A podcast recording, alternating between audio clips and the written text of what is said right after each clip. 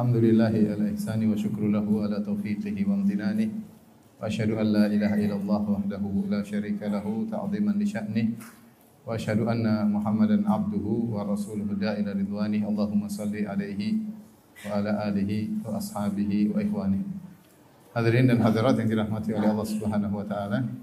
Pada kesempatan yang bahagia ini kita akan membahas uh, topik tentang bagaimana bisa menjadi seorang yang bersyukur dengan syukur yang benar yang dituntut oleh Allah Subhanahu wa taala.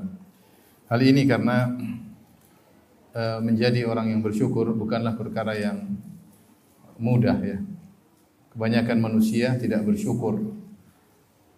Dan Allah Subhanahu wa taala telah berfirman wa qalilun min ibadiyasy syakur. Hanya sedikit dari hamba-hambaku yang bersyukur. Karenanya di antara sebagian salaf ada yang, berdoa Allah maj'alni minal qalil. Ya Allah jadikanlah aku dari yang sedikit ya. Karena orang-orang uh, yang bersyukur hanya sedikit di antaranya wa qalilun min ibadiyasy syakur. Hanya sedikit dari hamba-hambaku yang bersyukur. Dan iblis telah berjanji untuk malingkan dari malingkan manusia dari jalan Allah agar mereka tidak bersyukur. Dia telah bersumpah di hadapan Allah Subhanahu wa taala, "Tsumma la'atiyannahum min baini aydihim wa min khalfihim wa an aymanihim wa an aktsarahum syakirin." Kata iblis, Al-La'in dia berkata, kemudian benar-benar aku akan menggoda mereka dari depan mereka. Kemudian aku akan goda mereka dari belakang mereka. Aku akan datangi mereka dari kanan mereka. Aku akan goda mereka dari kiri mereka. Dan engkau akan dapati kebanyakan mereka tidak bersyukur. Ini janji janji iblis. Ya, engkau akan dapati ya Rabb, ya Allah Subhanahu wa taala, kebanyakan mereka tidaklah bersyukur. Dari sini kita tahu bahwasanya menjadi orang yang bersyukur dengan syukur yang sejati tidaklah mudah. Hanya orang-orang yang dipilih oleh Allah Subhanahu wa taala untuk bisa menjadi hamba Allah yang bersyukur. Dan di antara doa Nabi SAW, Allah maj'alni laka syakkara, laka dhakkara. Ya Allah, jadikanlah aku termasuk orang yang senantiasa bersyukur kepadamu dan senantiasa berzikir kepadamu. Oleh karenanya, para ambiya mereka berdoa agar bisa menjadi hamba yang yang bersyukur. Seperti Nabi Sulaiman alaihissalam ketika melihat uh, semut berbicara, fatabassama dhahika min qawliha wa qala rabbi auzi'ni an ashkura ni'mataka allati an'amta alayya wa ala walidayya wa an a'mala salihan tarda. Segera dia berdoa, ya Allah, ilhamkanlah kepadaku, itu berilah taufik kepadaku an ashkura ni'mataka allati an'amta alayya agar aku bisa mensyukuri nikmat-nikmat yang engkau anugerahkan kepada para nabi berdoa agar bisa menjadi hamba yang bersyukur. Ini menunjukkan bahwasanya syukur bukanlah ibadah yang mudah, dia butuh perjuangan. Ya. Mungkin kalau secara umum manusia bersyukur, tapi syukur yang benar-benar dikatakan bersyukur yang sesuai dengan kehendak Allah Subhanahu wa taala ini perkara yang butuh perjuangan karena hanya sedikit orang-orang yang bisa menjadi hamba-hamba Allah yang bersyukur. Ikhwan dan akhwat yang dirahmati oleh Allah Subhanahu wa taala. Uh, Allah mensifati uh, para nabinya dengan hamba-hamba yang bersyukur. Di antaranya Allah sifati Nabi Nuh alaihissalam innahu kana abdan syakura. Nabi Nuh alaihissalam disifati oleh Allah Subhanahu wa taala dengan hamba yang syakur. Innahu kana abdan syakura. Semuanya adalah hamba yang senantiasa bersyukur. Saya me, me, apa namanya menghayati ayat ini dengan memperhatikan sejarah perjuangan Nabi Nuh alaihissalam. Seandainya Allah mengatakan innahu kana abdan sabura, sungguhnya Nuh adalah hamba yang penyabar, maka itu sangat pas. Karena Nabi Nuh alaihissalam diuji dengan berbagai macam ujian, terutama ujian dalam dakwah. Bahkan sebagian ulama ketika menjelaskan tentang surat Al-Ankabut Alif lam mim ahasiban nasu ayyutraku ayyaqulu amanna wa hum la yuftanun. Wa laqad fatanna alladziina min qablihim dan seterusnya. Apakah manusia menyangka mereka dibiarkan mengucapkan kami beriman lantas tidak diuji? Sungguh kami telah menguji orang sebelum mereka. Kemudian Allah sebutkan di antara ujian, Walaqad arsalna Nuhan ila qaumihi falabitha fihim alfasanatin ila khamsina ama. Kami sungguh telah mengutus Nabi Nuh kepada kaumnya, maka dia berdakwah 950 tahun. Dan ini ujian berat bagi Nabi Nuh alaihissalam. Selama 950 tahun, ya, dalam dakwahnya tersebut kaumnya mengejeknya, menjauh darinya, menuduhnya sebagai orang gila, istrinya kafir, anaknya kafir, ya. Ujian berat bertubi-tubi menimpa Nabi Nuh. Kalau kita mengatakan sungguhnya Nuh adalah hamba yang bersabar, sungguh sangat pas. Tapi ternyata Allah tidak mensifati dia dengan hamba yang bersabar, tapi Allah sifati dengan hamba yang bersyukur. Innahu kana abdan syakura. Sungguhnya Nuh adalah hamba yang senantiasa bersyukur. Karenanya pada hari kiamat kelak ketika orang-orang meminta syafaat kepada para anbiya agar Allah segera datang di faslil qada untuk mulai persidangan, maka mereka mendatangi Nabi Adam alaihissalam. Kemudian Nabi Adam minta uzur dan suruh pergi kepada Nabi Nuh. Idhabu ila Nuh. Pergilah kepada Nabi Nuh. Ketika mereka datang kepada Nabi Nuh, mereka menyebutkan sifat mulia Nabi Nuh ini. Mereka berkata, Ya Nuh, anta awwalu ar-rasuli ila ahlil ard. Wa sammaka Allahu abdan syakura. Wahai Nuh, sungguhnya engkau adalah Rasul yang pertama yang Allah utus kepada penghuni bumi. Dan Allah menamakan engkau dengan apa? Abdan syakura.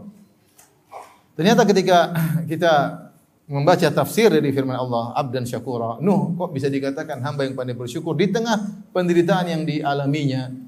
Siapa yang kuat ya? Diuji seperti Nabi Nuh alaihissalam.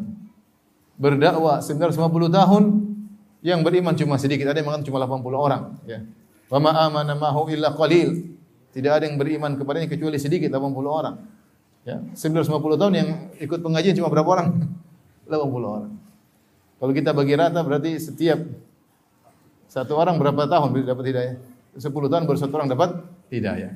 Sepuluh orang, eh, sepuluh tahun kemudian bro, ya Ustad, sepuluh tahun kemudian. Berarti luar biasa ujian yang dihadapinya. Tetapi, eh, tapi dia sabar. Istrinya kafir. Bayangkan, fakhanatahuma, istrinya berkhianat kepadanya. Kita sibuk berdakwah, seorang sibuk berdakwah ternyata istrinya menentang dakwahnya. Kemudian seorang sibuk berdakwah ternyata anaknya juga menentang apa? dakwahnya. Betapa ujian berat yang dihadapi Nabi Nuh ketika dia mendakwai anaknya. Ya bunayyar kam ma'ana di akhir hayat anaknya ketika terjadi banjir besar dia mengatakan wahai putraku naiklah bersama. Wala takum ma'al kafirin. Jangan kau termasuk bersama orang kafir. Anaknya tetap ngeyel. Sa'awi ila jabalin ya'simuna minal ma. Aku akan pergi menuju puncak gunung yang bisa menghalangiku dari tenggelam ya. Akhirnya dia pun tewas ketika itu dan ini membuat Nabi Nuh eh, bersedih. Artinya ujian bertubi-tubi menimpa Nabi Nuh. Kullama marra alaihi mala'un min qaumi sakhiru min. Setiap ada sekelompok orang dari pembesar-pembesar kaum Nabi Nuh melewati Nabi Nuh, mereka mengejek Nabi Nabi Nuh. Kalau Nabi Nuh berdakwah maka orang-orang menutup telinganya ya. Ja'alu asabi'an fi adani mereka masukkan jari-jari mereka ke dalam telinga mereka sampai Allah mengatakan asabi'an saking Ya, padahal cukup dua jari. Tapi Allah mengatakan ja'alu asabi'ahum fi adani wastaghshaw thiyabahum. Bukan cuma menutup telinga, mereka tutup wajah mereka.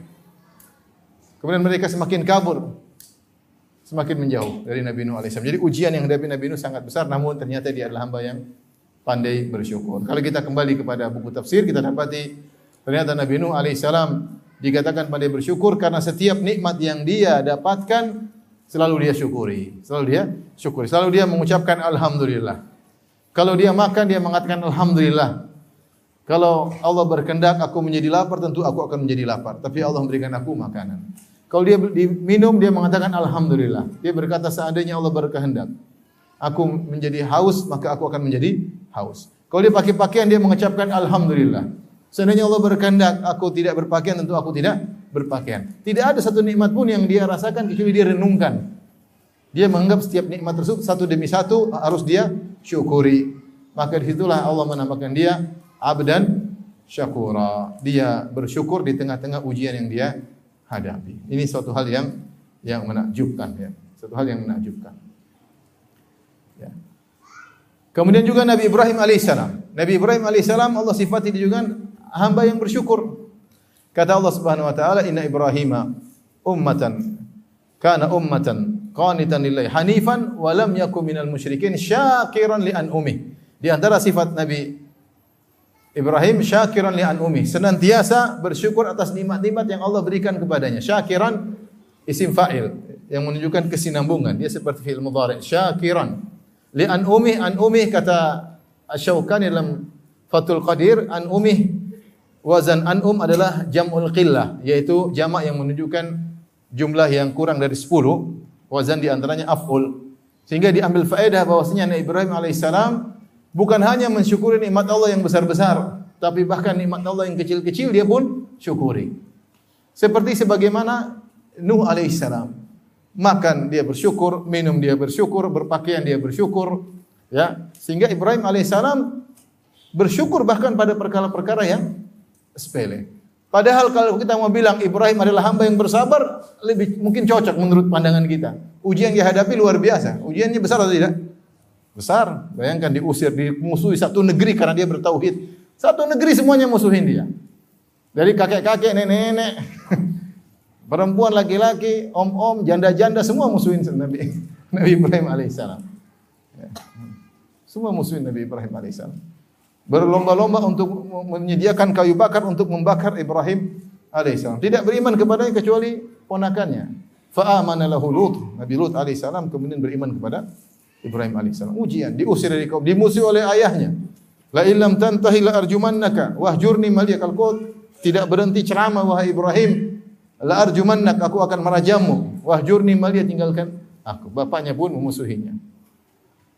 Dimusuhi. Kemudian diuji harus ya ketika punya anak dia Ibrahim alaihissalam menikah dengan Sarah ya ketika dia masih muda ya Sami'na fatan yadhkuruhum ketika dia berdakwah dia masih muda disebut fatan oleh Allah Subhanahu wa taala.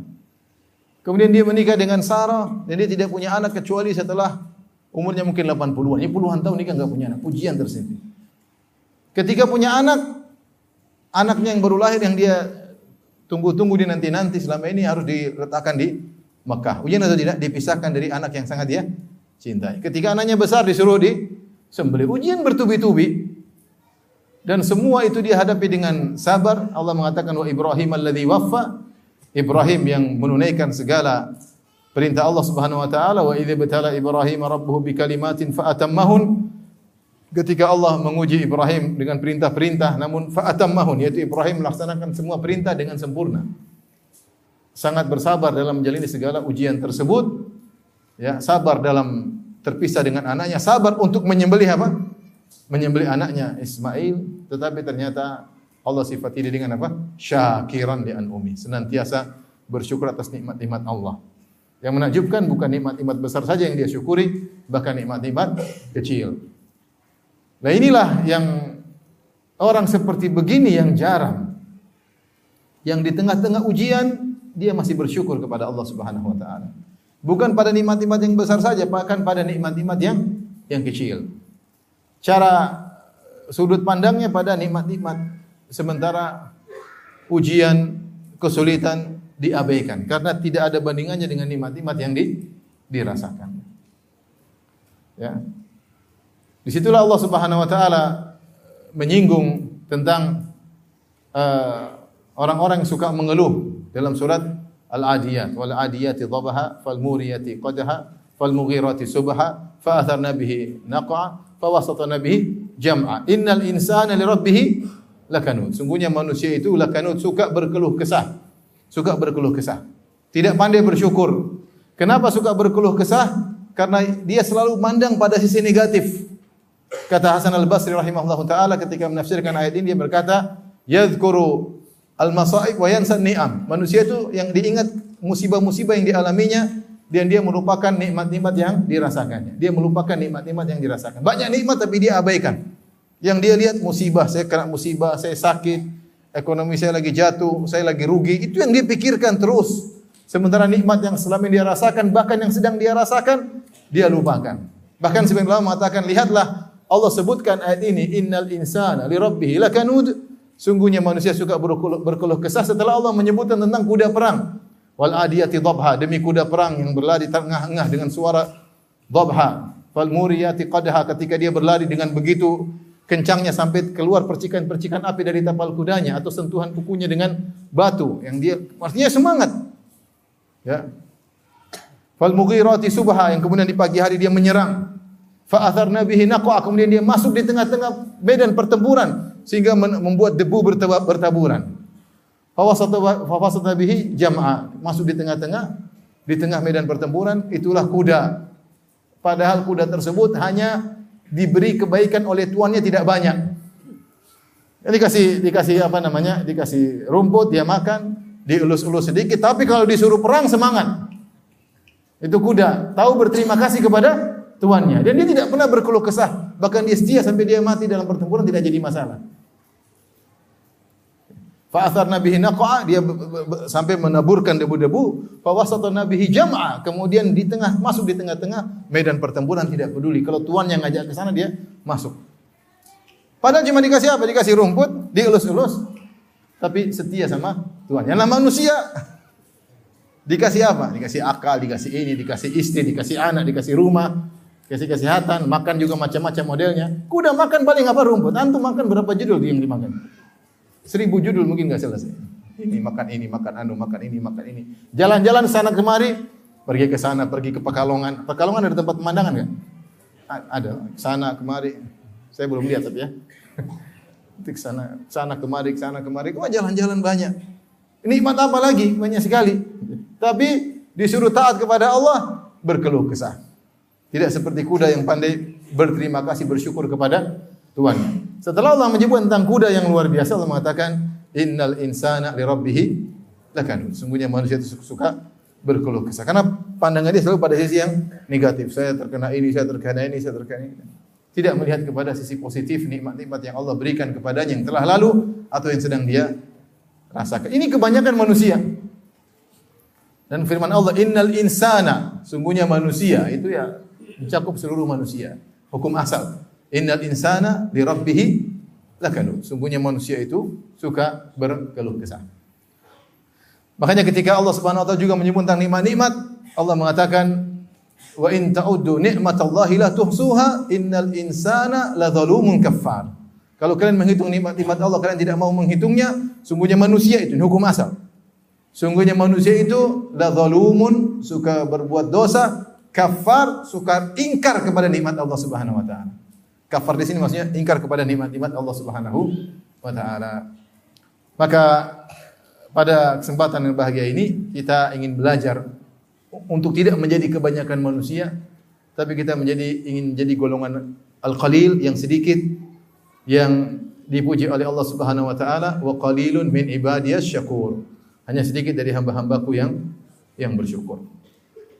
Hadirin dan hadirat yang dirahmati oleh Allah Subhanahu wa taala. Sebelum kita mempelajari bagaimana agar kita bisa menjadi hamba yang bersyukur, mungkin perlu kita sebutkan tentang uh, keutamaan orang yang bersyukur.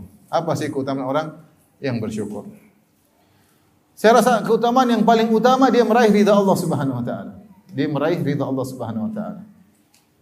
In takfuru fa inna Allah ghaniyun ankum wa la yarda li ibadihi al-kufur wa in tashkuru yardahu lakum wala taziru waziratu wizra ukhra. Dalam surat uh, apa namanya uh,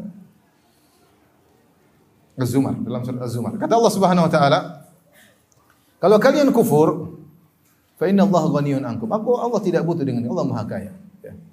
tetapi wala yardha li ibadihi al-kufr Allah tidak ridha kekufuran bagi hamba-hambanya. Wa in tashkuru kalau kalian bersyukur yardahu lakum. Maka Allah ridha syukur tersebut pada kalian Allah ridha kepada hambanya yang bersyukur. Dalam satu hadis kata Nabi sallallahu alaihi wasallam, "Inna Allah la yarda an 'abdihi idza akala al-aklah fayahmadahu 'alaiha wa idza syariba syarbah fayahmadahu 'alaiha." Sungguhnya Allah Subhanahu wa taala sungguh ridha kepada hambanya yang jika makan makanan maka dia memuji Allah atas makanan tersebut. Dia bilang apa? Alhamdulillah. Wa idza syariba syarbah kalau dia meminum suatu minuman maka dia memuji Allah Subhanahu wa taala. Ya. Allah ridho kepada hamba yang seperti ini. Dan contohnya tadi siapa? Nabi Nuh alaihi salam. Makan memuji Allah. minum memuji Allah, pakai pakaian memuji Allah. Bahkan dengan penuh penghayatan dengan mengatakan seandainya Allah berkehendak saya lapar, saya akan lapar. Ketika dia minum dia hilang dahaganya, seandainya Allah berkehendak saya berdahaga, tentu saya akan dahaga. Ketika dia pakai pakaian, seandainya Allah berkehendak saya tidak berpakaian, maka saya tidak akan berpakaian. Benar-benar dia renungkan nikmat demi nikmat satu demi satu. Itulah juga sifat Nabi Ibrahim alaihissalam. Syakiran li an umih ya mensyukuri nikmat Allah secara detail satu demi demi satu. Ini yang ini yang kita sulit lakukan. Kita hanya terkadang bersyukur kalau mendapatkan nikmat-nikmat yang besar. Nikmat-nikmat kecil tidak kita renungkan, tidak kita renungkan. Oleh karenanya siapa yang bersyukur maka Allah akan meridainya. Waridwanullahi akbar dan keridhaan Allah lebih besar ya. daripada nikmat surga mendapat ridha Allah itu lebih agung, lebih agung. Seorang kalau sudah diridhai oleh Allah, yaitu disukai oleh Allah, Allah ridho kepadanya. Ya. Itulah kalau kita sebut sahabat kita bilang radhiyallahu taala anhu, ya. Ya. Radhiyallahu anhu wa radu radhiyallahu anhum wa radu'an. Allah ridho kepada mereka dan mereka ridho kepada Allah Subhanahu wa Seorang meraih keridhaan Allah, ya, maka ini adalah nikmat yang sangat sangat besar. Allah sudah senang dengan dia, ridha dengan dia, sudah ini nikmat yang sangat besar. Pasti Allah beri taufik kepada dia. Pasti Allah mengantarkan dia kepada jalan-jalan kebaikan jika dia sudah pandai bersyukur kepada Allah Subhanahu wa taala. Kemudian keutamaan orang yang bersyukur orang yang bersyukur tidak akan diadab oleh Allah Subhanahu wa taala. Ma yaf'alullahu bi'adzabikum in syakartum wa amantum wa kana Allahu syakiran alima. Kata Allah Subhanahu wa taala, Allah, mengapa Allah harus mengadab jika kalian bersyukur dan beriman? Bahkan Allah syakiran alima dan Allah maha bersyukur dan Allah maha mengetahui. Seorang yang pandai bersyukur tidak akan diadab oleh Allah. Buat apa Allah adab dia sementara dia hamba yang pandai bersyukur. Jadi orang yang bersyukur pasti selamat dari neraka jahanam. Pasti selamat dari neraka jahanam. Orang bersyukur pasti selamat dari adab kubur. Kenapa? Karena dia pandai bersyukur kepada Allah Subhanahu wa taala. Dia telah mencapai derajat yang menjadikan Allah tidak ya tidak pantas untuk mengadab dia karena dia adalah orang yang pandai bersyukur. Ketika Allah menyebutkan balasan kepada orang-orang yang bersyukur, Allah sebut dalam dua ayat yang berturut-turut. Yang pertama Allah mengatakan, "Sayajizillahu syakirin." Allah akan memberi balasan kepada orang-orang yang bersyukur, yaitu berupa kebaikan-kebaikan. Demikian juga ayat setelahnya Allah mengatakan, "Wasana jizish syakirin." dan kami akan beri balasan kepada orang yang bersyukur. Dalam dua ayat tersebut Allah tidak menyebutkan tentang uh, apa balasannya. Sehingga Syekh Abdurrahman bin Nasir As-Sa'di rahimahullahu taala dalam tafsirnya ketika mengomentari ayat ini, wasana jizi syakirin dan kami akan beri balasan kepada orang yang bersyukur. Balasannya apa Allah tidak sebut. Ini di antara metode Allah ketika meng menghilangkan objeknya, kami akan beri balasan kepada orang-orang yang bersyukur. Balasannya apa? Tidak disebutkan. Menunjukkan balasan tersebut banyak. Sehingga tidak perlu disebutkan karena saking banyaknya. Saking banyaknya, saking hebatnya balasan tersebut. Cukup Allah mengatakan kami akan beri balasan. Kami akan beri balasan. Menunjukkan bahwasanya ganjaran, kami akan beri ganjaran. Menunjukkan ganjaran tersebut bukan ganjaran biasa karena Allah tidak sebutkan tentang objek ganjaran tersebut. Allah menghilangkan objeknya, Allah hanya memberi uh, penjelasan yang mubham wa sanajzi syakirin bahwasanya kami akan beri ganjaran kepada orang yang bersyukur tanpa menyebut ganjarannya apa. Tapi di antara keutamaan orang yang bersyukur ya, di antara keutamaan orang yang bersyukur terkait dengan dunia ya. Orang yang bersyukur akan diberi kebahagiaan, hati yang bahagia. Kebanyakan orang tidak bahagia kenapa? Karena tidak pandai bersyukur. Hasad sama orang, dengki sama orang. Tapi kalau dia pandai bersyukur, dia kona'ah. Dia pandai bersyukur. Dia merasa mendapat nikmat yang baik bagi dia. Sehingga dia tidak perlu hasad kepada orang lain. Di, di akhirat dapat pahala yang banyak, di dunia dia bahagia. Orang kalau pandai bersyukur dia bahagia. Suatu contoh yang diceritakan oleh Nabi Muhammad SAW dalam satu hadis tentang kisah dua istri Ismail alaihissalam. Bandingan antara orang istri yang pandai bersyukur dengan istri yang tidak pandai bersyukur. Ketika Ismail alaihissalam, syabbal gulam, tinggal di di kota Mekah, kemudian di tengah-tengah suku Jurhum, suku Arab yang datang langsung dari kabilah Qahtan dari Yaman, kemudian tinggal di situ. Syabbal gulam, kemudian Ismail menjadi tubuh besar jadi pemuda yang menakjubkan mereka. Fazawwajuhu maka mereka pun menikahkan dia dengan seorang wanita dari suku Jurhum, kabilah Jurhum. Maka setelah dia menikah dengan wanita tersebut, Ibrahim alaihissalam yang sudah tua, ayahnya kemudian datang mengunjungi Ismail. Dalam Sahih Bukhari, dalam Sahih Bukhari. Maka datanglah Ibrahim alaihissalam, qadarullah Ismail lagi tidak ada. Maka dia bertemu dengan istrinya. Maka Ibrahim alaihissalam bertanya, "Mana Ismail?" Kata istrinya, "Dhahaba yabtaghi lana." Dia sedang pergi berburu mencari nafkah buat kami. Kemudian Ibrahim bertanya, "Bagaimana kehidupan kalian?" Istrinya mengeluh, "Nahnu fi syiddah." Nahnu fi kami dalam kondisi sulit. Dalam kondisi sempit, mengeluh. Mengeluh. Dia merasakan kesempitan, dia merasakan kesulitan, kesulitan hidup. Kenapa dia tidak pandai bersyukur? Akhirnya Ibrahim berkata kepada istrinya tersebut, kalau datang suamimu, sampaikan aku kirim salam kepada dia dan suruh dia an yughayyir atabata babihi agar dia menggantikan atabah. Atabah itu pijakan kaki di pintu. Ketika masuk rumah sebelum di pintu ada pijakan. Fungsinya mungkin untuk menghalang hewan masuk atau air masuk. Suruh ganti. Akhirnya Ismail ketika pulang dia mengatakan seakan ada tamu ya. Iya ada tamu kakek tua begini begini. Terus dia kirim salam buat kamu. Terus apa? Dia tanya tentang kehidupan kita. Saya bilang kehidupan kita sulit, susah, sempit. Terus ada wasiat nggak ada? Katanya kamu disuruh ganti pijakan apa? Pintu. Maka dia mengatakan itu ayahku. Dia menyuruh gantikan kamu ya. Idhabi ila ahlik. Pulanglah ke rumah istrimu. Model kamu istri kayak gini tidak pandai bersyukur harus diganti. Maka Ismail pun ceraikan dia. Kemudian Ismail alaihissalam lihat orang yang tidak bersyukur menderita. Dia merasa kesen, kesen, kesengsaraan, kesempitan. Kenapa? Yang dia lihat selalu kesulitan. Ya. Ada mawar, ada durinya. Yang dilihat durinya bukan mawarnya. Itu repot di situ. Pandangannya tertuju pada ah, ini berduri, berduri. Padahal mawar, aroma, harum. Yang dilihat apa? Durinya. Itu masalahnya. Kemudian Ismail alaihissalam menikah dengan wanita lain yang berikutnya. Maka akhirnya Ibrahim datang lagi. Setelah berapa lama Ibrahim alaihissalam datang lagi kemudian cari Ismail ya. Ingin menengok Ismail ternyata Ismail juga qadarullah lagi di luar. Lihat jawaban istri kedua yang istri barunya Ismail. Maka ditanya oleh Ibrahim aina Ismail? Mana suamimu? Dhahaba yabtaghi lana. Dia sedang uh, berburu mencari makan buat kami Kemudian Ibrahim bertanya, bagaimana kehidupan kalian? Kami fisa'ah, kami dalam kondisi lapang, kami dalam kondisi nyaman. Dia muji orang wanita bersih. Padahal kondisi tidak, kondisi ekonominya tidak berubah sama saja.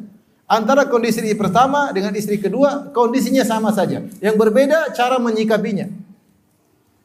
Yang pertama tidak bersyukur sehingga merasa sempit hidup ini. Yang satunya bersyukur sehingga dia merasa kehidupannya lapang. Tentram, nyaman. Terus Ibrahim berkata kalau datang Ismail, sampaikan salam dariku dan suruh dia sabit atabata babik. Suruh dia pertahankan pijakan pintunya. Kemudian pergilah Ibrahim, datanglah Ismail, ada tamu, iya tadi ada ada seorang kakek tua Hasanul Hayah. Bahkan wanita kedua ini dia mandangnya lihat ada tadi kakek penampilannya bagus. Dia muji. Jadi istri pertama tidak menyebutkan hal tersebut. Ya kayak tua gini. Yang kedua tidak cara lihat cara cara pandang dia selalu pada sisi yang baik tadi ada orang tua penampilannya bagus datang ke sini. Kemudian dia nanya nanya, dia nanya apa sama kamu? Dia tanya tentang kehidupan kami. Terus kamu jawab apa? Saya bilang dalam kondisi lapang, nyaman. Terus apa pesannya? Pesannya kamu disuruh memantapkan apa? Pijakan kaki. Sudah. Kamu adalah pijakan kakinya, pijakan kakiku, maka bersamalah denganku. Ya bersamalah dengan denganku. Dari istri yang pandai bersyukur ini yang merasa hidup nyaman, maka keluarlah keturunan Nabi Muhammad sallallahu alaihi wasallam. Maksud saya lihat orang yang pandai bersyukur nyaman hidupnya. Nyaman hidupnya, tentram hatinya. Dia mensyukuri apa yang Allah berikan pada dia, tahu bahwasanya apa yang Allah berikan yang terbaik bagi dia. Sehingga dia tidak perlu hasad, tidak perlu dengki. Dia tahu firman Allah Subhanahu wa taala, "Nahnu qasamna bainahum ma'ishatahum fil hayatid dunya." Dia tahu Allah Subhanahu wa taala telah berfirman, "Kami memberi pembagian kepada mereka tentang rizki mereka dalam kehidupan mereka. Yang bagi siapa? Allah Subhanahu wa taala. Ketika dia tahu bahwasanya Allah yang membagi, dia tidak perlu protes karena Allah pasti maha adil dalam membagi. Dan Allah yang lebih tahu tentang kemaslahatan hambanya. Kita kalau ada orang pembagian kita mungkin terjadi orang ini enggak enggak benar masa saya enggak dapat dia dapat. Mungkin kita jengkel. Tapi kalau kita tahu yang bagi Allah, yang maha mengetahui segalanya, yang maha mengetahui apa yang terbaik bagi kita, yang lebih tahu kemaslahatan kita daripada diri kita sendiri, selesai. Ngapain saya protes? Apa yang Allah berikan pasti yang terbaik. Pasti yang terbaik. Ya. Maka orang yang bersyukur hidupnya bahagia, tenang. Meskipun dia tidak dalam kemewahan, sementara orang yang tidak pandai bersyukur meskipun di tengah kemewahan, dia hidupnya sengsara. Hidupnya sengsara. Siapa yang bertanya, Ustaz, terus kalau istri kita kayak istri Ismail yang pertama gimana, Ustaz? Pulang ke rumah orang tuanya. Mungkin kamu yang bermasalah, maka istrimu begitu. Perbaiki masing-masing ya.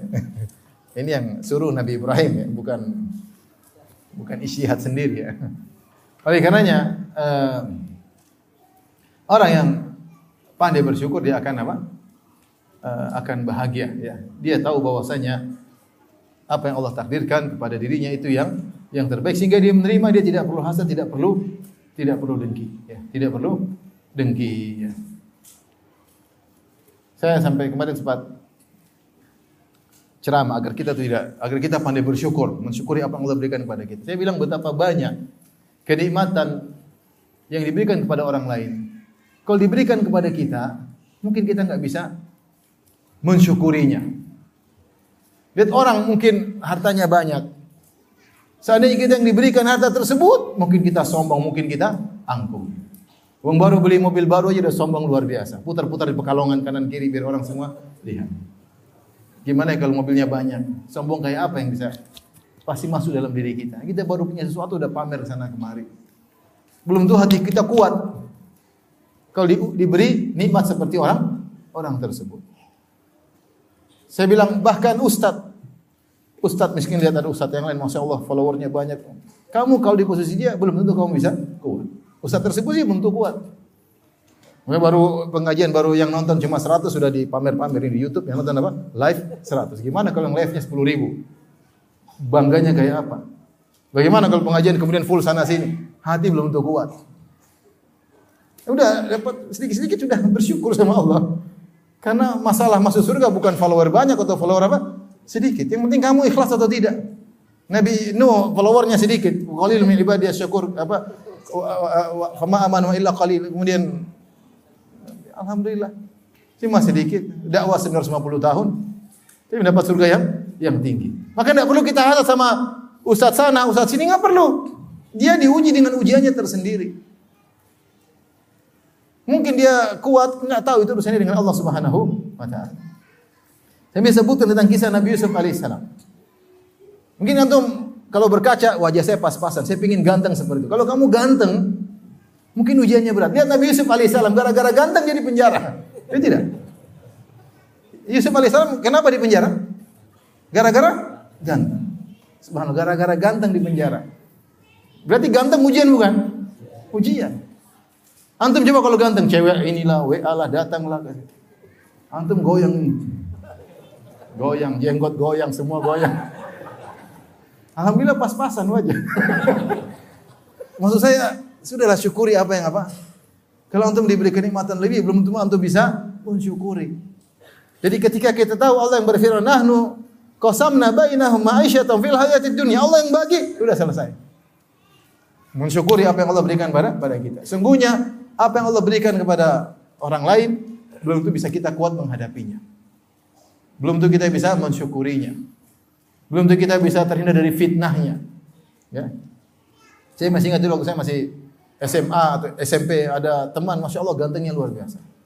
Udah ganteng terus punya motor apa namanya? Zaman itu motor Tiger tuh paling top sudah. Itu cewek ngumpul semua sama dia. Tapi kita nggak ada yang ngumpulin. Sepeda aja nggak punya, udah, udah ingat uh, insya Allah. Ganteng, alhamdulillah.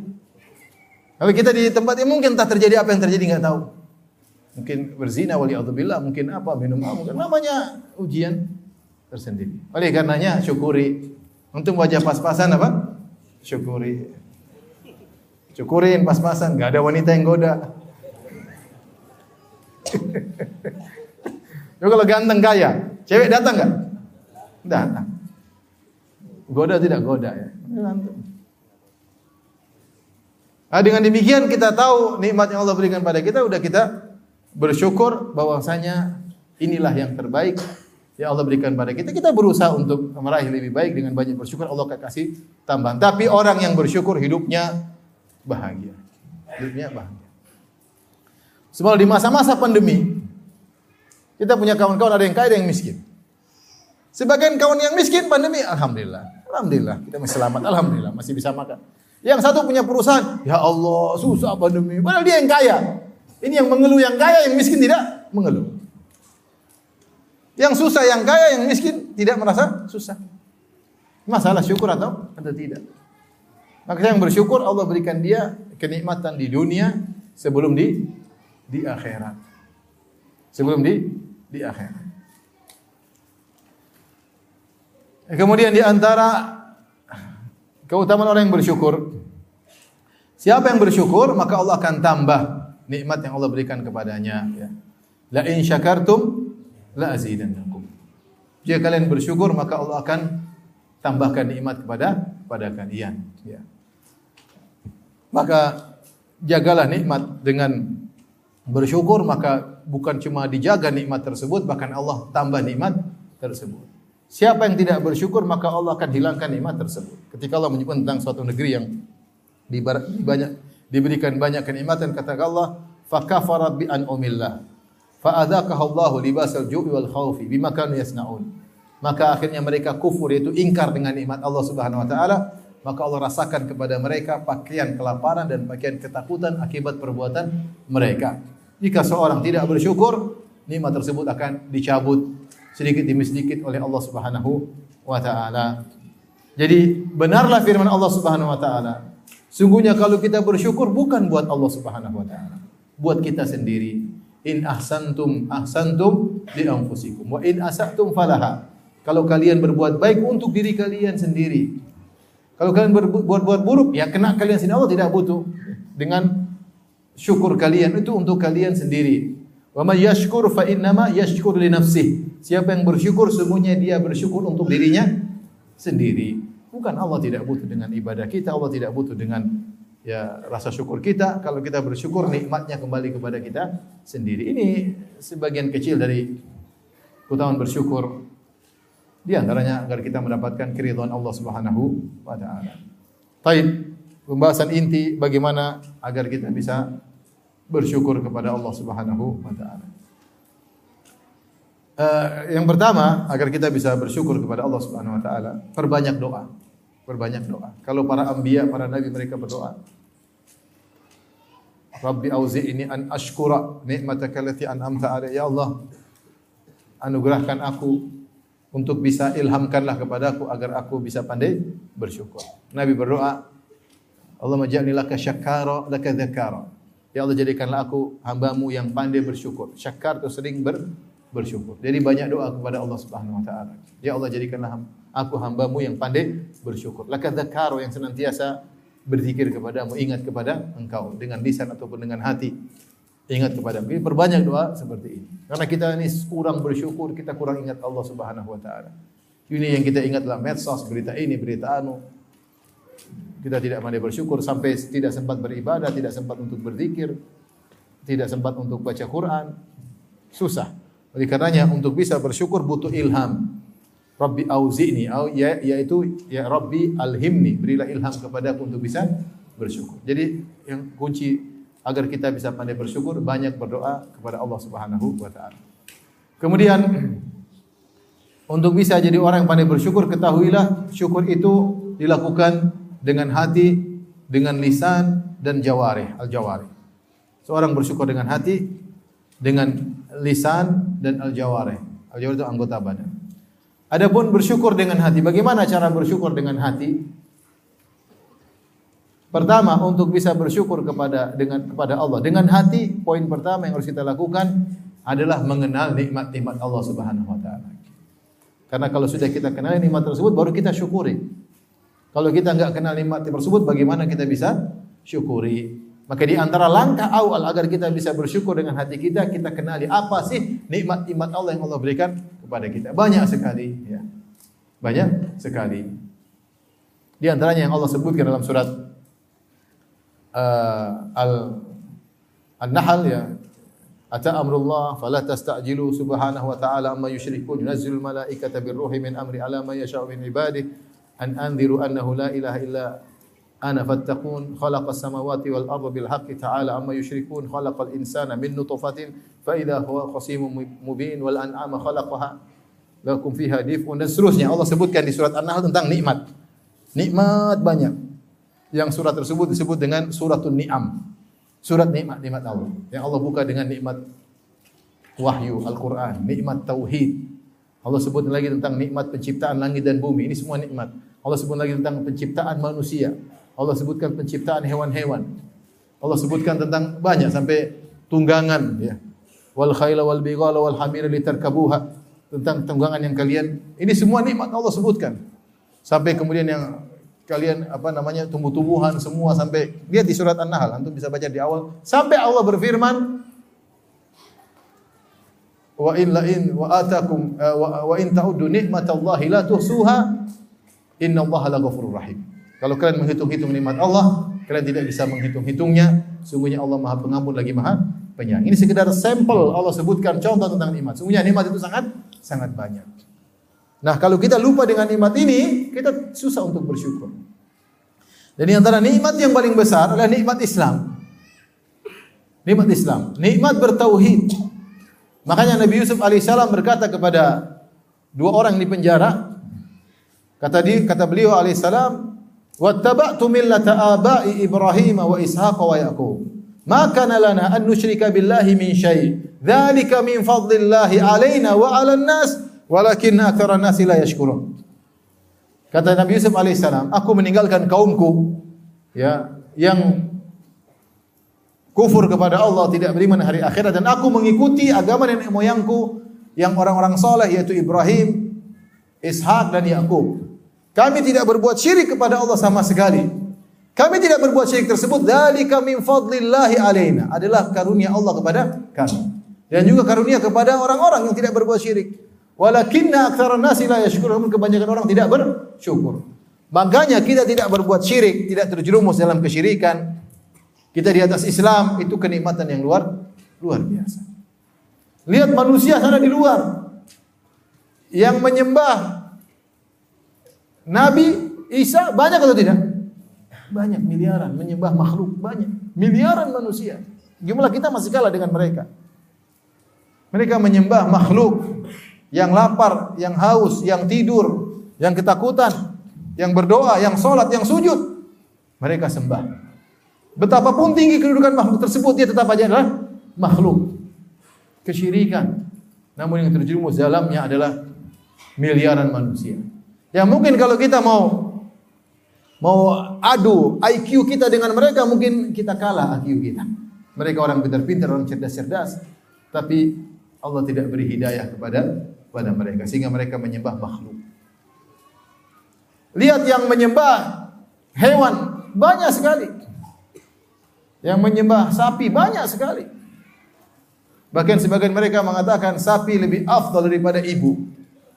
Kalau ibu nyusui masih berharap pamrih. Semoga anak saya besar jadi anak soleh. Kalau sapi kasih susu dia tidak pernah minta pamrih. Dia ikhlas kepada Allah. Sehingga mereka memuliakan sapi menyembah apa? Sapi akhi subhanallah. Jumlahnya satu juta juta mungkin miliar. Miliar itu banyak lah. Itu cuma berapa? Ratusan aja miliar. Mereka sampai miliar. Itu bersyukur. Kaum muslimin yang masih pakai jimat banyak, yang percaya sama dukun banyak, percaya sama khurafat banyak, yang percaya sama tatoyur masih banyak. Nikmat tauhid, nikmat yang luar biasa. Yang kita renungkan, kita bersyukur pada Allah. Alhamdulillah hati saya bergantung kepada Allah, nikmat. Walakin aktsarun nasi la. Kebanyakan orang tidak tidak bersyukur. Nikmat banyak. Ini kalau kita renungkan kita akan pandai bersyukur kepada Allah Subhanahu wa taala. Yang menyembah matahari, subhanallah. Ke mana akal mereka? Tapi demikianlah ya. Hidayah di tangan Allah Subhanahu wa taala. Kita bicara tentang misalnya nikmat kesehatan luar biasa.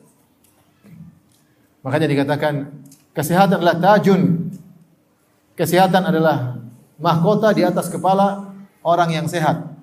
Tapi tidak ada yang lihat kecuali orang yang sakit. Kesehatan adalah mahkota yang ada di, di kepala orang yang sehat. Tapi orang sehat tersebut tidak bisa melihatnya. Yang bisa lihat orang yang sakit. Orang yang yang sakit. Disebut ada seorang yang kaya raya, dia sakit, kemudian dia harus makan ini, makan anu, kemudian dia melihat ada pembantunya kerja di kebun, makan seenaknya, minum seenaknya. Sementara dia Allah, dia kaya raya, dia nggak bisa makan ini, nggak bisa makan anu karena sakit. Hartanya tidak bisa membuat dia berpuas-puas makan apa yang dia kehendaki. Sebagian orang pelit-pelit cari uang banyak-banyak supaya bisa makan enak. Ketika duitnya banyak, dia nggak bisa makan enak. Dia sakit. Antum makan apa saja santai, makan gorengan, makan. Sebagian orang milah-milih nggak bisa. Kesehatan itu luar luar biasa. Makanya kalau kita mau syukuri kesehatan, pergilah ke rumah sakit lihat orang sakit kayak apa. Yang teriak-teriak, yang sakit ini, sakit anu. Ini nikmat yang terkadang tidak kita yang terkadang kita lalaikan ya. Belum nikmat dalam anggota tubuh bisa melihat, bisa mendengar. Sebagian orang tidak bisa. Bisa berjalan, bisa makan kaki, bisa ke masjid, banyak nikmat. Cuma kita tidak ingat. Kenapa tidak kita ingat? Karena saking tiap hari Allah berikan sehingga seakan-akan itu adalah sudah keharusan bagi Allah, sudah kewajiban bagi Allah sehingga tidak kita syukur. Nanti kalau hilang tiba-tiba baru kita ya Allah ternyata nikmat ini luar biasa ya. Nikmat ini luar biasa. Kita hanya menyadarinya ketika nikmat tersebut dicabut, maka jangan sampai demikian. Ingatlah bosnya kita nikmat yang luar biasa. Kita bicara tentang nikmat keamanan. Nikmat keamanan luar biasa. Negeri ini aman. Ya. Alhamdulillah kita ke mana-mana santai, mau ke mana-mana tidak ada yang perlu kita khawatirkan. Ya. Kita mau dakwah di mana-mana juga alhamdulillah mudah ya. Kalau ada yang usir-usir cari tempat lain masih banyak alhamdulillah. Alhamdulillah. Nikmat. Lihat di negeri luar sana, mau dakwah susah, ditangkap-tangkepin orang, susah. Mau ngaji enggak sembarang ya. Susah. Keamanan tidak terjamin, perang saudara banyak ya. Kita alhamdulillah dapat kenikmatan dan semoga Allah melanggengkan kenikmatan aman di negeri kita yang kita cintai. Oleh karenanya, seorang menunjukkan hal tersebut, belum lagi nikmat punya istri. Nikmat atau tidak? Nikmat. Orang yang tidak punya istri kasihan. Jomblo itu penderitaan. Makanya nggak ada jomblo di surga, karena itu penderitaan. Di surga tidak ada penderitaan, makanya tidak ada jomblo. Penderitaan. Makanya di antara faedah yang disebutkan oleh uh, Ibn Rajab Al-Hambali bahwasanya Ketika seorang berpuasa dia menahan makan, menahan dahaga. Dia tahu bagaimana susahnya orang lapar sehingga dia menahan. Ternyata sehingga timbul kepekaan pada dirinya, kasihan sama orang lapar karena saya pernah lapar ketika sedang apa? puasa. Dia tahu bagaimana rasanya orang haus karena dia haus, dia punya rasa kepekaan bagaimana rasanya orang. Dan dia juga tahan nafsunya. Dia tahu gimana menderitanya orang tahan apa? Nafsu. Begitulah penderitaan orang jomblo. Penderitaan, ah, punya istri, alhamdulillah, punya anak. Entah banyak orang menangis tidak punya tidak punya anak, nangis-nangis ke sana, berobat sana sana. Antum punya anak alhamdulillah. Ada orang enggak banyak enggak punya rumah, antum punya rumah. Nabi SAW bersabda, "Man asbaha aminan fi sirbihi mu'afan fi jasadihi wa lahu qutu yaumihi faka'anna mahizat lahu dunya bihadafiriha." Oh, kama kala Nabi SAW. Siapa yang di pagi hari aman di rumahnya, sehat tubuhnya, ya, ada makanan hari itu seakan-akan dunia telah didatangkan bagi dia. Itu kenikmatan yang disegerakan sudah sudah datang. Apa lagi? Alhamdulillah ya. Oleh karenanya ingat nikmat-nikmat Allah. Jadi cara bersyukur yang pertama kenali nikmat-nikmat Allah. Ya. Hitung-hitung nikmat Allah. Wa in ta'udu. Kalian hitung-hitung, hitung-hitung. Alhamdulillah saya ngaji, saya sholat orang-orang pada habiskan waktu untuk hura-hura, untuk buang-buang waktu, nonton macam-macam. Alhamdulillah saya nonton pengajian, saya hadir pengajian. Alhamdulillah nikmat. Ini semua akan menjadi catatan amal di hari akhirat kelak. Alhamdulillah anak-anak ngaji, alhamdulillah anak sekolah, anak sekolah. Alhamdulillah banyak nikmat. Banyak sekali nikmat yang Allah berikan kepada uh, kepada kita. Baik, setelah mengenal nikmat-nikmat Allah, ini penting tahapan pertama. Kemudian bersyukur dengan hati adalah al-i'tiraf, mengakui seluruh nikmat tersebut dari Allah. Jangan sekali-sekali kita bilang karena saya, karena saya, karena saya. Antum sehat karena Allah, antum bisa berhasil karena Allah. Semuanya karena Allah. Ya. Jadi bilang, oh, karena saya olahraga tiap hari makanya sehat. Ada orang olahraga meninggal ketika sedang olahraga. Allah yang kasih ente kesehatan. Ente ikhtiar. Tapi yang menentukan sehat atau tidak siapa? Ya, saya ketemu seorang wanita umroh sama saya. Nangis dia. Dia bilang apa? Ustaz, saya sudah olahraga. Dia olahragawan, olahraga. Tadi sama suaminya ngobrol sama saya. Nangis. Olahraga. Saya makan pilih-pilih. Tidak sembarang saya makan. Tahu-tahu kena kanker. Masih muda. Ya. Artinya kita ikhtiar, tapi jangan bilang karena saya, karena saya. Kita bilang semuanya karena Allah. Kemudian dengan sebab saya olahraga, dengan sebab saya makan pilih-pilih. Oke. Okay. Ya. Tapi jangan bilang karena kita kita menjadi apa? Sehat. Betapa banyak orang sehat tiba-tiba meninggal. Kam min sahihin mata min ghairi illatin. Betapa banyak orang sehat meninggal tanpa didahului dengan sakit. Olahragawan di puncak kesehatannya tahu-tahu meninggal meninggal dunia. Oleh karenanya segala nikmat yang kita rasakan jangan sekali-sekali kita sandarkan kepada diri kita. Karena itu adalah ujub. Kita semua yang dari Allah Subhanahu wa taala. Dan jangan sekali-sekali kita berbicara kepada orang lain mengesankan itu karena kita. Hati-hati. Mau keberhasilan dalam dakwah, mau apa pun, keberhasilan dalam mengurus yayasan misalnya, keberhasilan dalam membangun uh, sekolah misalnya, apa pun, jangan coba-coba mengatakan karena saya, karena saya. Itu penyakit. Kita syukuri Allah bisa dengan dengan sebab kita Allah membuat keberhasilan-keberhasilan Allah milik kita dalam rel ini, rel dakwah. Tapi jangan sekali-sekali mengesankan karena saya. Jangan. Allah Maha tahu tentang relung isi relung hati kita yang paling paling dalam. Karena itu penyakit ujub.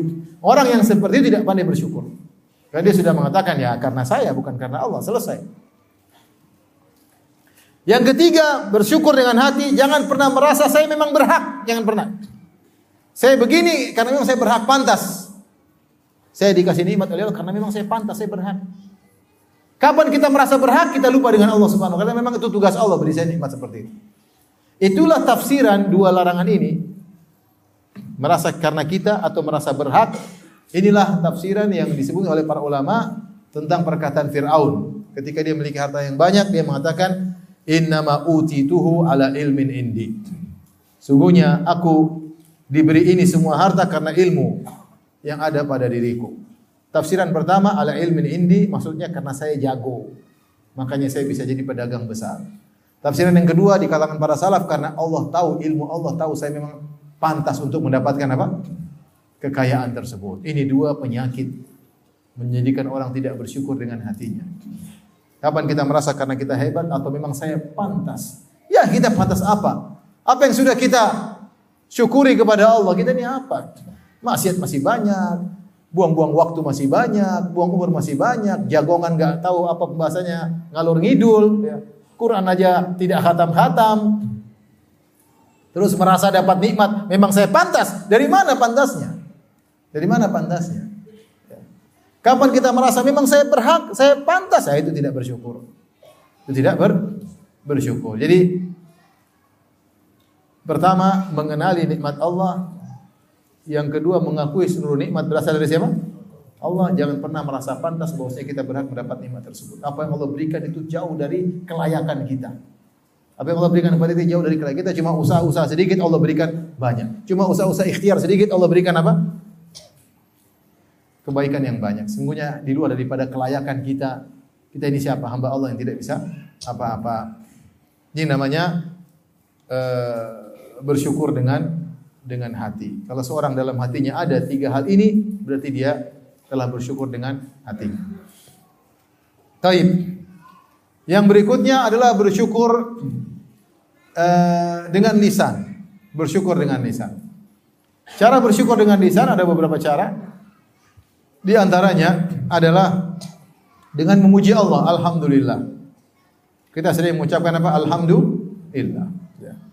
Dapat nikmat seperti tadi, innallaha la yarda an abdihi idza akala al-aklah an yahmadahu 'alaiha. Sungguhnya Allah ridha kepada hamba jika dia memakan satu makanan dia mengucapkan alhamdulillah. Jika dia minum minuman dia mengucapkan alhamdulillah. Segala kenikmatan kita saya bilang alhamdulillah.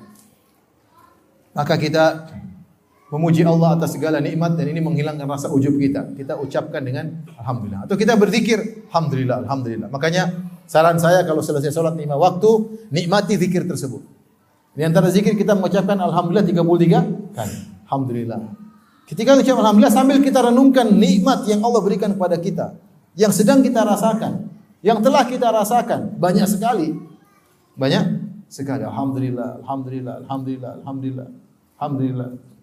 Banyak sekali nikmat. Sehingga kita benar-benar menghayati ucapan kita alhamdulillah. Dan bisa jadi kita bisa juga menjadikan zikir harian alhamdulillah, alhamdulillah, alhamdulillah boleh. Subhanallah, alhamdulillah, wala ilaha illallah, wallahu akbar. Wala haula wala quwata illa alhamdulillah, alhamdulillah, alhamdulillah. Ya. Alhamdulillah tamlaul mizan. Sungguhnya ucapan alhamdulillah memenuhi timbangan. Seorang ucapkan alhamdulillah satu saja dengan keluar dari hati yang sangat dalam Alhamdulillah nilainya besar di sisi Allah Subhanahu wa taala. Tamlaul mizan akan muni apa? Timbangan kebaikan di akhirat kelak. Yang kedua, bersyukur dengan lisan adalah ya dengan menisbahkan nikmat tersebut kepada Allah. Menisbahkan nikmat tersebut dalam secara hati kita nisbahkan kepada Allah, kita utarakan dengan dengan lisan, dengan lisan. Karena kalau kita tidak menisbahkan kepada Allah, kita terjerumus dalam syirik lafal, syirik lafzi, syirkun lafzi syirkun asghar. Makanya ketika Allah Subhanahu wa taala berfirman dalam ayatnya ya'rifuna nikmatallahi tsumma yunkirunaha. Mereka mengetahui nikmat Allah kemudian mereka mengingkarinya. Di antara tafsiran para salaf itu sekelompok orang yang sedang berlabuh naik sebuah kapal kemudian datang ombak yang menghantam kapal mereka terombang-ambing kemudian nahkodanya pandai nahkodanya pandai menghandle kapal tersebut akhirnya mereka selamat Ketika mereka selamat, mereka berkata, kalau bukan karena nahkoda tersebut, mungkin kita sudah tenggelam. Maka Allah tegur, ya'rifuna nikmatallahi thumma yungkirunaha. Mereka mengetahui nikmat Allah, mereka diselamatkan, thumma yungkirunaha, mereka mengingkarinya. Di antara bentuk pengingkaran terhadap nikmat Allah adalah menyandarkan nikmat tersebut kepada sebab, bukan kepada musabbib. Sebab benar nahkoda itu pintar, tapi yang bikin nahkoda itu pintar siapa? Allah. Yang bikin ombaknya reda siapa? Allah. Mau dia pintar tapi kalau ombaknya dibesarin sama Allah, tewas. Lupa bahwasanya nakoda itu makhluk di antara makhluk-makhluk Allah. Makanya di antara syirik kecil, seorang berkata, kalau bukan karena ini, mungkin saya sudah dibunuh. Kalau bukan karena dokter, mungkin saya mati. Kalau bukan karena polisi, mungkin saya sudah kecurian. Dan ini semua perkataan benar. Karena polisi, dokter, atau hewan yang menjaga rumah, itu semua sebab sehingga kita selamat. Tetapi yang menyelamatkan bukan itu. Yang menyelamatkan siapa? Allah. Maka di antara adab dalam bersyukur kepada Allah, kita mengatakan kalau bukan karena Allah, kemudian dengan sebab dokter. Justru di saat itu kita langsung sadarkan kepada Allah, memang benar dokter. Secara sebab akibat dokter, tapi kita harus menyadarkan kepada yang menimbulkan akibat. Dokter jago apa pun kalau Allah tidak menimbulkan akibat tidak akan ada akibatnya, tidak ada dampaknya, dampak kesembuhan tidak ada. Maka dalam apa pun keberhasilan apa bilang kalau bukan karena Allah. Kalau bukan karena Allah. Saya kemarin pas uh, hajian. Hajian uh, berat ya. Kemudian Masya Allah ya. Uh, banyak kan kawan yang tidak bisa upgrade ke teman-teman yang haji kemudian tidak bisa tendanya di-upgrade kepada yang lebih baik ya. Kalau Allah kita bisa. Bahkan resmi, bahkan dikasih ada satu orang di sana yang ngurus, dia ngurus. Kemudian saya bilang sama teman-teman, masya Allah si Fulan dia ngurus luar biasa. Ketika saya ketemu dia namanya Abdullah, Abdullah masya Allah kata dia al fadlu min Allah langsung ya fadlu min Allah bukan dari saya. Fadlu min Allah. Dia tidak oh iya memang saya. Kau belum tahu saya siapa? Oh saya menguasai Mekah dan Madinah. Enggak, dia bilang fadlu min Allah. Ketika kita keluar dari Arafah, azan kita keluar. Langsung kita dapat tempat di Muzdalifah tempat terbuka ada karpetnya. Saya bilang Masya Allah. Saya puji dia lagi dua kali. Masya Allah. Fadlu min Allah. Langsung dia bilang apa? Fadlu min Allah. Tidak ada. Oh iya, memang saya. Kamu baru tahu ya. Ini udah kerjaan saya tiap tahun. Subhanallah. Langsung sandarkan kepada siapa? Allah. Ketika Nabi Sulaiman alaihissalam datang ars, arsnya Balqis. Falamma istaqarra indahu tiba-tiba dalam sekejap ars tersebut dari dari mana? Dari Yaman Sabah menuju ke Palestina, jaraknya ribuan kilo. Qala hadza min fadli rabbi. Ini dari karunia Allah. Liyabluwani ashkuru am akfur. Untuk mengujiku, saya bersyukur atau saya kufur. Kalau bersyukur bilang hadza min fadli rabbi. Ini dari karunia Tuhan.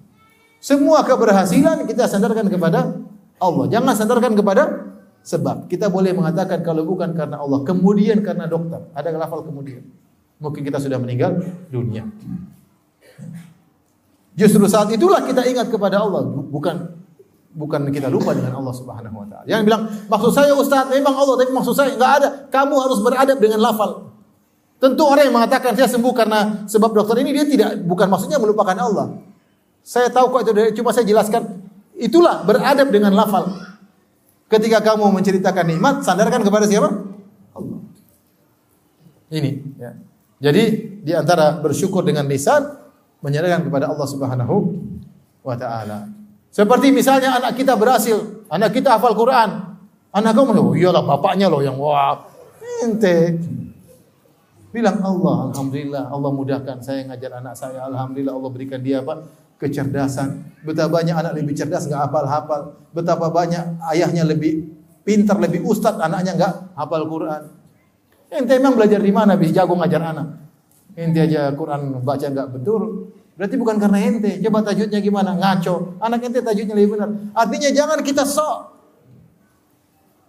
Kita pamerkan anak kita, anak saya apal gue seakan-akan karena saya. Saya sebagai bapaknya, saya sebagai ibunya. Enggak boleh. Bilang karena siapa? Allah. Kemudian dengan sebab Allah mudahkan saya, saya temani dia murojaah, saya temani ini, saya temani ini. Kalau kita berhasil ekonomi, jangan bilang karena saya. Bilang karena apa? Karena Allah. Alhamdulillah dengan kemudian dengan sebab saya begini begini begini, Allah mudahkan warung saya jadi laris, inilah jadi laris, alhamdulillah. Jadi kita ini tidak punya kemampuan apa-apa. Ini kemudian di antara bersyukur dengan lisan sebut-sebut. Wa amma bi ni'mati rabbika fahaddits. Adapun nikmat Rabbmu sebutlah. Sebut ini maksudnya apa? Untuk bersyukur kalau kita lupa. Alhamdulillah saya ini alhamdulillah. Bukan untuk sombong. Ada orang sombongkan kenikmatan dia bilang wa amma bi ni'mati rabbika fahaddits. Padahal dia ingin apa? Semua saya punya ini, saya punya ini, saya punya ini. Ya bukan untuk dalam rangka bersyukur, tapi untuk sombong. Nah, tidak ada masalahnya kalau kita kemudian berbicara dengan istri, anak-anak kita ingatkan tentang masa lalu dulu kita kayak apa. Sayang dulu kamu kurus, saya juga kurus dulu. Masih ingat nggak ketika kita masih kurus, baju kita kecil-kecil. Sekarang alhamdulillah bajuku tidak seperti yang dulu.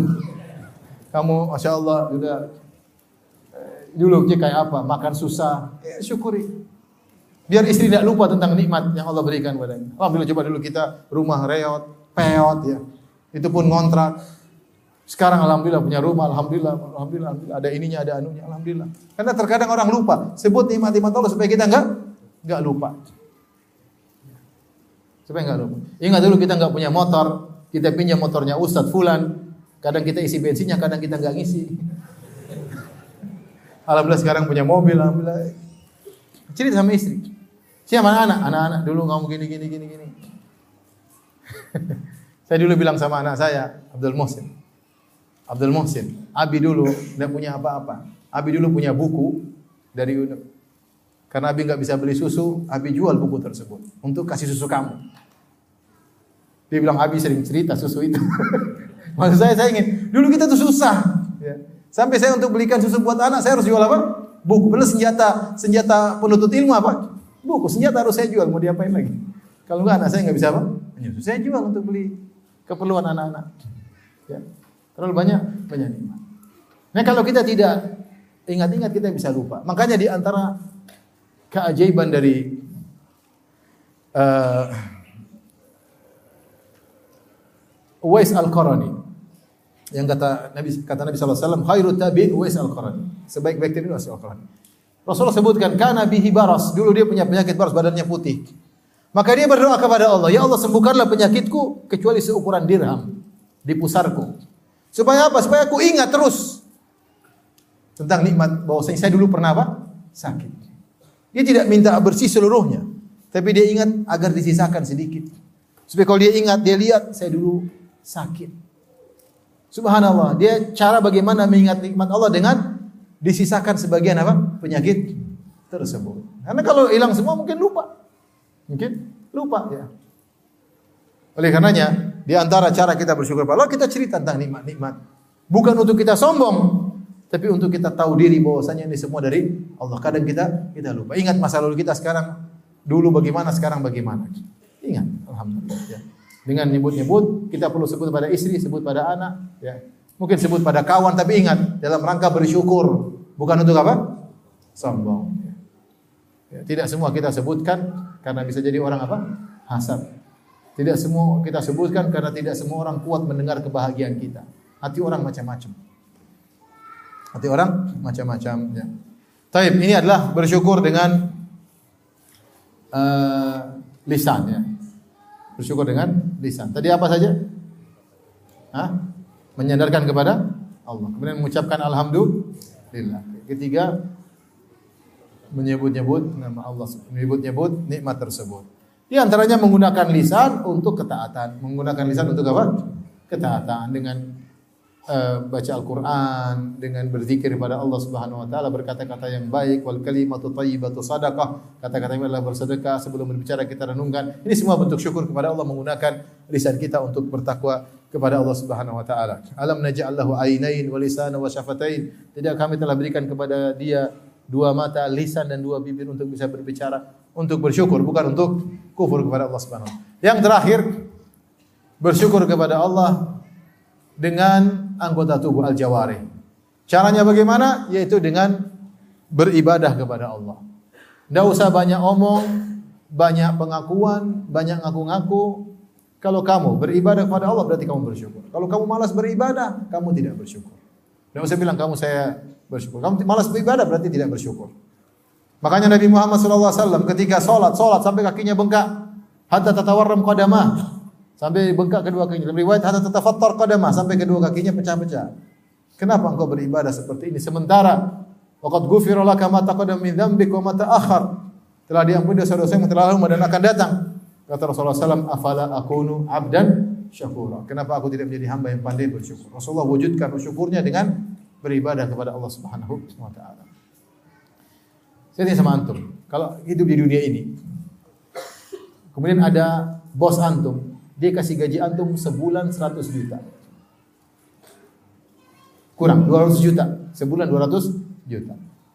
Kira-kira kalau dia telepon jam 2 jam 2 malam lewat 10 menit, antum angkat atau tidak? Gaji 100 juta. Mau jam 3, mau jam 2, mau jam 1 lagi ngorok, bangsa angkat. Siap. Karena gaji 100 juta tiap bulan.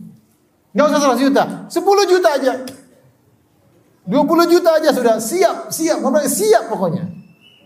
Belum mandi siap, sudah mandi siap sudah, padahal belum. Pokoknya tidak mau tidak mau terlambat karena merasa diberi gaji yang cukup. Nah Allah berikan kita nikmat. Walillahil mathalul a'la bagi Allah Perumpamaan yang lebih tinggi. Allah berikan kita nikmat jauh daripada itu. Setiap hari nikmat luar biasa. Ya, nikmat udara kita bisa hirup. Waktu pandemi coba, orang sampai nggak bisa bernapas. Saya waktu kena COVID, saturasi turun. Nggak naik naik saturasi. Bagaimana orang yang sesak napas yang sampai akhirnya meninggal? Sampai antri cari oksigen gak dapat saya meninggal, meninggal dunia. Baru tahu ternyata bernapas itu nikmat yang luar luar biasa. Allah kasih antum bisa ngelihat, bisa bernafas, detak jantung masih berjalan. Subhanallah banyak nikmat, masih bisa olahraga, masih bisa ini, masih bisa mikir, masih bisa sholat, masih luar biasa. Tapi kita ini memang malas, dasar malas. Waliyadzubillah. Disuruh sholat, malas. Suruh menghadap Allah cuma lima kali sehari, masih malas-malasan.